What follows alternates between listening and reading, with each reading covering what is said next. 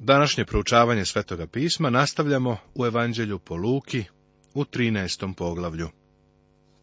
Sada dolazimo do odeljka Lukinog evanđelja, u kome ima mnogo stvari o kojima samo Luka govori, i to u vezi sa gospodnjom zemaljskom službom. Uči nas da ne sudimo, nego da se kajemo. Kazuje parabolu o smokvinom drvetu. Isceljuje ženu koja je bila bolesna, govori parabolu o grušičinom semenu i kvascu nastavlja da poučava dok se kreće ka Jerusalimu, a zatim plače nad Jerusalimom. Isus uči ljude da ne sude, nego da se pokaju.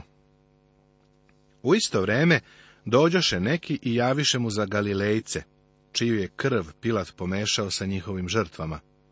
On odgovori i reče im, mislite li da su ovi Galilejci bili grešni od svih Galilejaca, što su tako postradali? Ne, kažem vam, nego ako se ne pokajete, svi ćete tako izginuti. Ili mislite da su onih osamnaest na koje pala kula u Siloamu i pobila ih, bile više krivi od svih jerusalimskih stanovnika? Ne, kažem vam, nego ako se ne pokajete, svi ćete tako izginuti. Pilatove žrtve, kao i ljudi koji su bili ubijeni kada se kula srušila, nisu bile posljedice Božijeg suda. Bog ništa ne radi za inat. Hristos govori religioznim ljudima svoga doba da će, ukoliko se ne pokaju, i oni propasti. Ovaj odeljak nam pruža nekoliko lepih pouka. Prva nas uči da kada neki hrišćanin zapadne u nevolju koja je nadprosečno teška, a mnogi tako prolaze, ne treba to da tumačimo kao da je taj čovek veći grešnik od drugih. Nevolje nisu uvek posljedica greha. S druge strane, kada postaneš hrišćanin, to te neće automatski zaštititi od nevolja. Nećeš proći kroz veliku nevolju, ali male nevolje nećeš izbeći ako si hrišćanin. Kroz neke male nevolje ćeš proći ovde na zemlji. Sljedeće što treba da vidimo jeste da kada nevolja dođe na nekog drugog, a ne na tebe, to ne ukazuje na to da si superioran u odnosu na tu osobu. Možda Bog dopušta da vidiš nevolje drugoga, da bi tebe privukao sebi. Parabola o smokvinom drvetu Parabola o smokvinom drvetu je proistekla iz prethodne rasprave. Kaza i ovu priču. Jedan čovjek je imao smokvu posađenu u svom vinogradu i dođe da traži rod na njoj, ali ne nađe. Tada reče vinogradaru, vidi, ima tri godine kako dolazim i tražim rod na ovoj smokvi, ali ne nalazim posecije, zašto da još slabi zemlju? Ali mu on odgovori i reče, gospodaru, ostavi je još ove godine, dok kopamo ko nje i nađubrim, pa će možda roditi. Ako pak ne rodi, posjeći ćeš je u buduće. Po mom mišljenju, smokvino drvo bez ploda simbolički predstavlja izraelski narod. Vlasnik smokvinog drveta je očekivao da drvo donese rod, pa se razočarao kada je drvo ostalo besplodno. Imao je neosporno pravo da sakupi plodove i da presudi drvetu tako što ga je posekao. Izraelu je bio obećan blagoslov samo ako bude živeo u Božijem svetlu koje im je dato, ali im je obećano i prokletstvo ako odbace tu svetlost. Narodu je posvećena posebna pažnja, negovanje i oplodnja. Trebalo je da donesu plod, ali nisu. Izrael je odbacio Hrista, čak je i govorio, neka njegova krv padne na nas i na našu decu. Izrael je iskusio Boži sud, pa je raštrkan po drugim narodima širom sveta. Zanimljivo je zapaziti da Izrael danas ne može mirno da živi u svojoj zemlji sve dok odbacuje Boga. Nisu Rusi i Arapi ti koji mu zadaju toliko nevolja, Bog to čini. Izrael je izebrani Boži narod, Bog će ih jednoga dana vratiti u njihovu zemlju sa verom. Danas se oni u tu zemlju vraćaju u neveri, pa zato nemaju mira. To je dokaz Božje ruke umešane u svetska događanja. Isus isceljuje bolesnu ženu.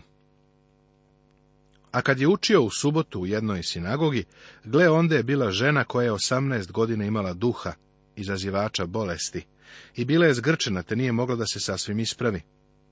Kada je Isus vide, dozvalje i reče, ženo oslobađena si svoje bolesti. I stavi ruku na nju, pa se odmah ispravi i slavljaše Boga. A starešina sinagoge je negodovao što je Isus izlečio u subotu i reče narodu, ima šest dana u koje treba raditi, u te dane dakle dolazite i lečite se, a ne u subotnji dan. Ova žena je imala jedan od najgorih slučajeva bolesti zabeleženih u Bibliji. Bila je to ozbiljna bolest. Problem je iskrsao ne zato što je gospod nju iscelio, nego zato što ju je iscelio u subotu. Gospodnje isceljivanje naroda u subotu je bilo periodičan izvor sukoba i rasprava između njega i religioznih vođa. Ova žena je imala duh bolesti ili nemoći koji je nju mučio 18 godina. Teško je na naš jezik prevesti terminologiju koju doktor Luka koristi da bi opisao njeno stanje. To su medicinski termini. Njena bolest je bila hronična. Zbog nje ona bila povijena ili kako neki prevode, savijena napola. Ova sirota žena nije mogla da se ispravi. Evo žene u očajničkoj situaciji. Ona je bila nesrećnica, predmet žaljenja. Ovo je verovatno jedan od najgorih slučajeva fizičke nemoći, koji je gospod rešio ovde na zemlji. Na tomu gospod odgovori i reče, licemeri, zar svaki od vas ne odvezuje svoga vola ili magarca od jasala u subotu i ne vodi ga da poji? A ovu Avramovu kćer koju je satana svezao, evo osamnaest godina, zar nije trebalo osloboditi ove sveze u subotnji dan? Moram priznati da ne razumem zašto je ovu ženu Sotona svezao. Ona očigledno nije bila nemoralna, pošto je redovno posjećivala sinagogu čak i u ovom stanju. U sinagogiju je veliki lekar rekao, oslobođena si. Položio je ruke na nju i ona se momentalno ispravila i proslavila je Boga.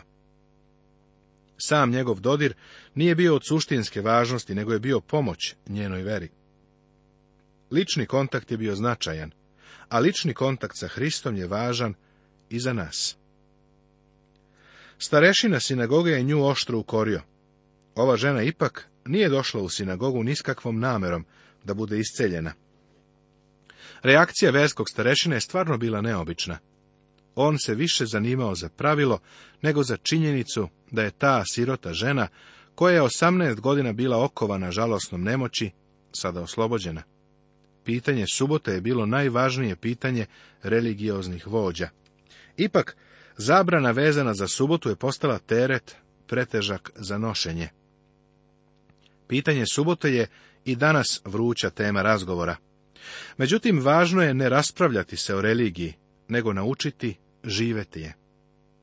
A kad je to rekao, svi njegovi protivnici su se postideli, a sav narod se radovao za sva slavna dela koja je učinio. Iako su ljudi rado slušali Isusa dok je govorio, izgleda da se sve na tome završavalo, da nisu dalje išli. Moguće je postati tako religiozan i neosjetljiv da iz svog života isključiš Isusa. Možda znaš sve odgovore i možda si ekspert u raspravama, ali pravo pitanje je ovo. Da li si ikada pustio Isusa u tvoj život? Za ovo nema zamene. Da li si pun sumnji? Da li si zbunjen ili u nevolji? Da li si presavijen po teretom života? Onda dođi gospodu Isusu Hristu sa svojim teretima i gresima. Možeš mu doći u svako vreme. On spremno čeka da ispuni tvoje potrebe. Parabola o gorušićinom semenu i kvascu. Tada reče, našta liči carstvo Božije i čime ću ga uporediti? Ono je slično gorušićinom zrnu koje čovek uze i poseje u svom vrtu, te uzraste i posta veliko drvo, pa se ptice nebeske nastaniše na njegovim granama. I opet reče, čime ću uporediti carstvo Božije? Ono je slično kvascu koji je žena uzela i pomešala u tri sata brašna, dok sve nije uskislo. Gorušićino seme simbolično predstavlja spoljašnji aspekt hrišćanstva sa mnoštvom njegovih organizacija i denominacija. Gorušićino seme treba da postane biljka, a ne drvo. Umjesto da crkvene organizacije zaostaju, one pokazuju abnormalan i vrlo brz rast. One su izgubile svoj pravi karakter kada su postale velike. Ptice su ključ ove priče.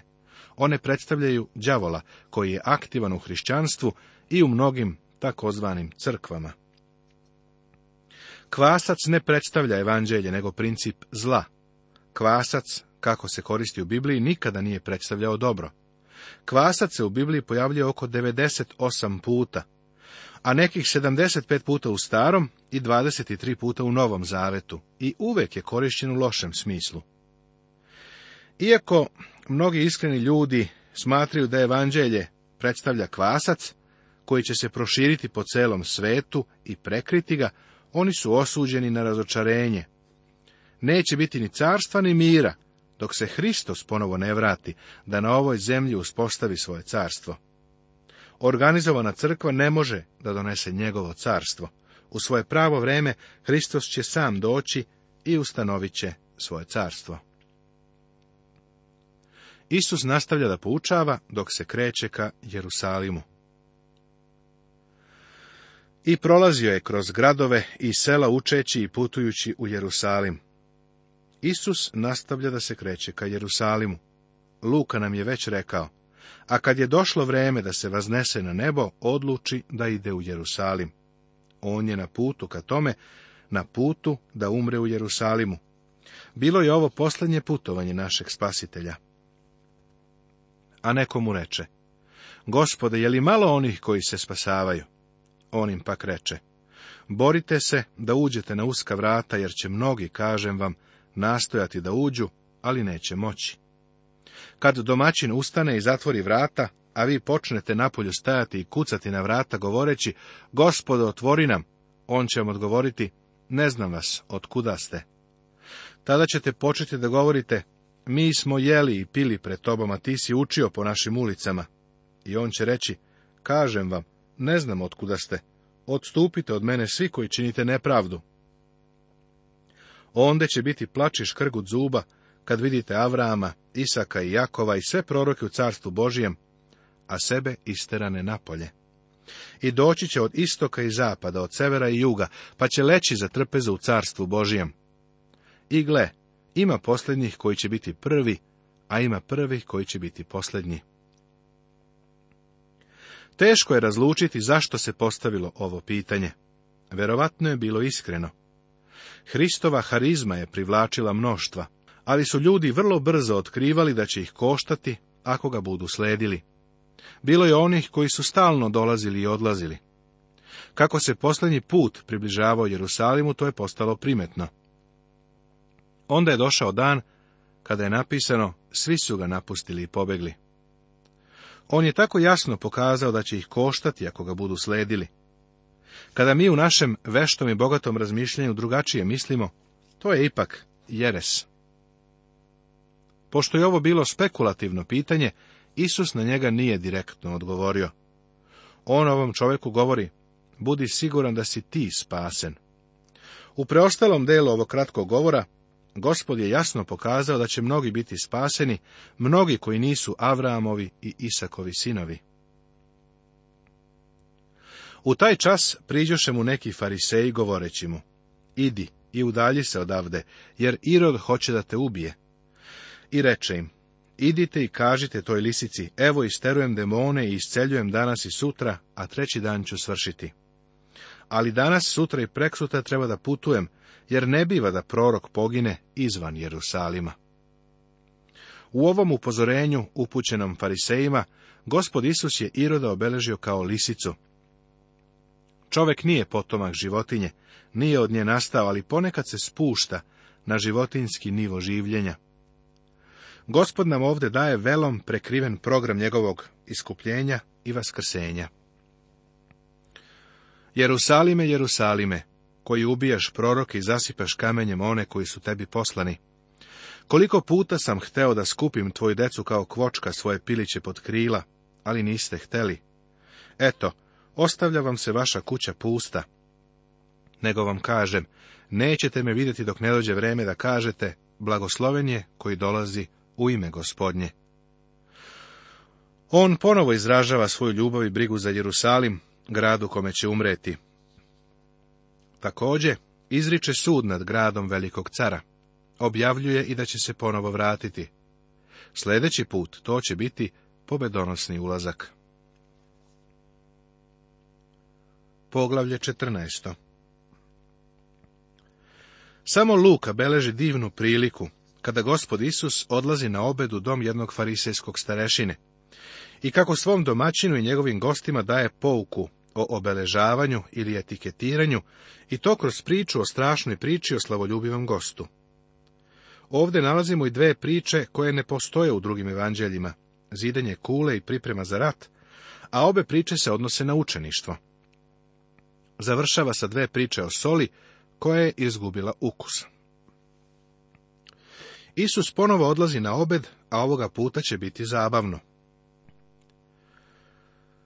Kad je jednom u subotu došao u kuću nekog farisejskog starešenja da jede, oni su motrili na njega. Moram priznati da je mene farisej pozvao da dođem na obed kod njega s ciljem da me uhodi, ja bih odbio. Farisej je tražio nešto što će diskreditovati Isusa. Ovaj prvi stih nam daje prikaz atmosfere – tonaliteta i kolorita situacije. Uvod obeda je stvorio napetost. I gle, pred njim je bio neki čovek koji je patio od vodene bolesti. Postavljena je zamka da bi uhvatili gospoda. Verujem da je ovaj čovek namerno isplanirao da podstakne Isusa da prekrši subotu time što će ga isceliti. Obrati pažnju na to šta radi. I Isus progovori i reče zakonicima i farisejima, smeli se subotom lečiti ili ne? A oni su čutali. I dohvati ga, izleči ga i otpusti. Gospod je prvo postavio pitanje, ali su se oni plašili da odgovore. A oni su čutali. I dohvati ga, izleči i otpusti. A njima reče, koji od vas neće svoga sina ili vola, kad mu padne u bunar, odmah izvaditi u subotni dan? Da je njihov vo ili magarac upao u nešto, oni bi ga izbavili. Drugim rečima, da je bilo kome od ovih Nikogovića pukla guma u subotu, oni bi je popravili, i gospod je to znao. Zato ja sređujem ovog čoveka sada, jer on je u nevolji. I nisu mogli da mu odgovore na to. Ovaj događaj je stvorio pravu napetu situaciju za obrokom. Parabola o neučtivom gostu a gostima kaza priču, kada opazi kako su izabrali pročelja i reče im. Ova scena je bogata koliko je samo moguće. U to vreme nisu imali kartice koje su se stavljale na sto sa imenima. Kartice koje pokazuju ko će gde da sedne je verovatno izumila neka domaćica koja je želela da zaštiti svoj nameštaj. Bez tih kartica na stolu nastajala bi suluda trka ko će zauzeti najbolja sedišta. Tog dana za stolom su bila četiri glavna mesta. Kad je kuva rekao, na primjer, supa je servirana, svi su se ustremili ka stolu. U to vreme su se koristili ležajevi, a ne stolice, tako da su se gosti oslanjali na sto. Sa svake strane su bila po tri mesta za takvo naslanjanje. Centralno mesto je bilo počasno sedište, pa ih je znači sve skupa bilo četiri. Na čeonom stolu je bilo sedište broj jedan, dva i tri s jedne strane, Sedište 2, odnosno centralno sedište, bilo je počasno. Sa druge strane okolo bila su sedišta 4, 5 i 6, a broj 5 je bilo počasno sedište. A sa treće strane su bila sedišta 7, 8 i 9 sa osmim kao počasnim sedištem i na četvrtoj strani konačno sedište broj 11 je bilo počasno. Razumljivo je da neko od ovih starijih fariseja nije uspio da se kreće brzo, kao mlađi. Kada je kuvar pozvao supa je servirana, stari farisej koji se približavao mestu za obed, potrčao je ka sedištu broj dva. Neko od mladih fariseja je tamo dospeo pre njega, zato se on okrenuo iza ugla, pokušao što pre da dođe do petog sedišta, pa je ponovo zakasnio, jer je i neko već tamo sedeo. Ponovo je brzo pokušao da dospe do osmog sedišta, ali nije uspeo ni da do njega stigne na vreme. Onda je skrenuo i zaputio se ka sedištu broj 11 i uspeo. Bilo je to najniže sedište, ali ipak počasno. Ležao je tamo skoro bez daha. Možeš li zamisliti kako je smešna bila ova slika ljudi, koji trče što brže mogu da bi zauzeli počasna mesta? Sada će naš gospoda ukori i ispravi njihove loše manire. Kad te neko pozove na svadbu, nemoj da se posadiš u pročelje, da slučajno ne pozove neko koje je ugledniji od tebe, pa da ti ne kaže, kad dođe, onaj koji je pozvao tebe i njega, daj mesto ovome. I onda ćeš postiđen zauzeti posljednje mesto. Nego kad te pozovu, idi i posadi se na posljednje mesto, da ti kaže, kad dođe ovaj koji te pozvao prijatelju, pomakni se više. Tada će ti biti čast pred svima koji su sa tobom za trpezom. Gospod Isus je rekao, kad te neko pozove na obed, ne juri da zauzmeš počasno mesto. Možda će domaćin imati na umu nekog drugog za to mesto. Onda će doći reći ti, pomeri se na najniže mesto da bi moj počasni gost tu seo. Kad si pozva negde na obed, uvek sedi na posljednje mesto. To ti neće predstavljati veliki problem, jer ga niko neće želeti. A onda, kada domaćin dođe, vidi gde sediš, reći će ti, pa ti si moj počasni gost, molim te, sedi na počasno mesto. Tada će neko drugi morati da se premesti. Ovo su lepi maniri, potpuno su suprotni ponašanju koji je ova grupa upravo prikazala.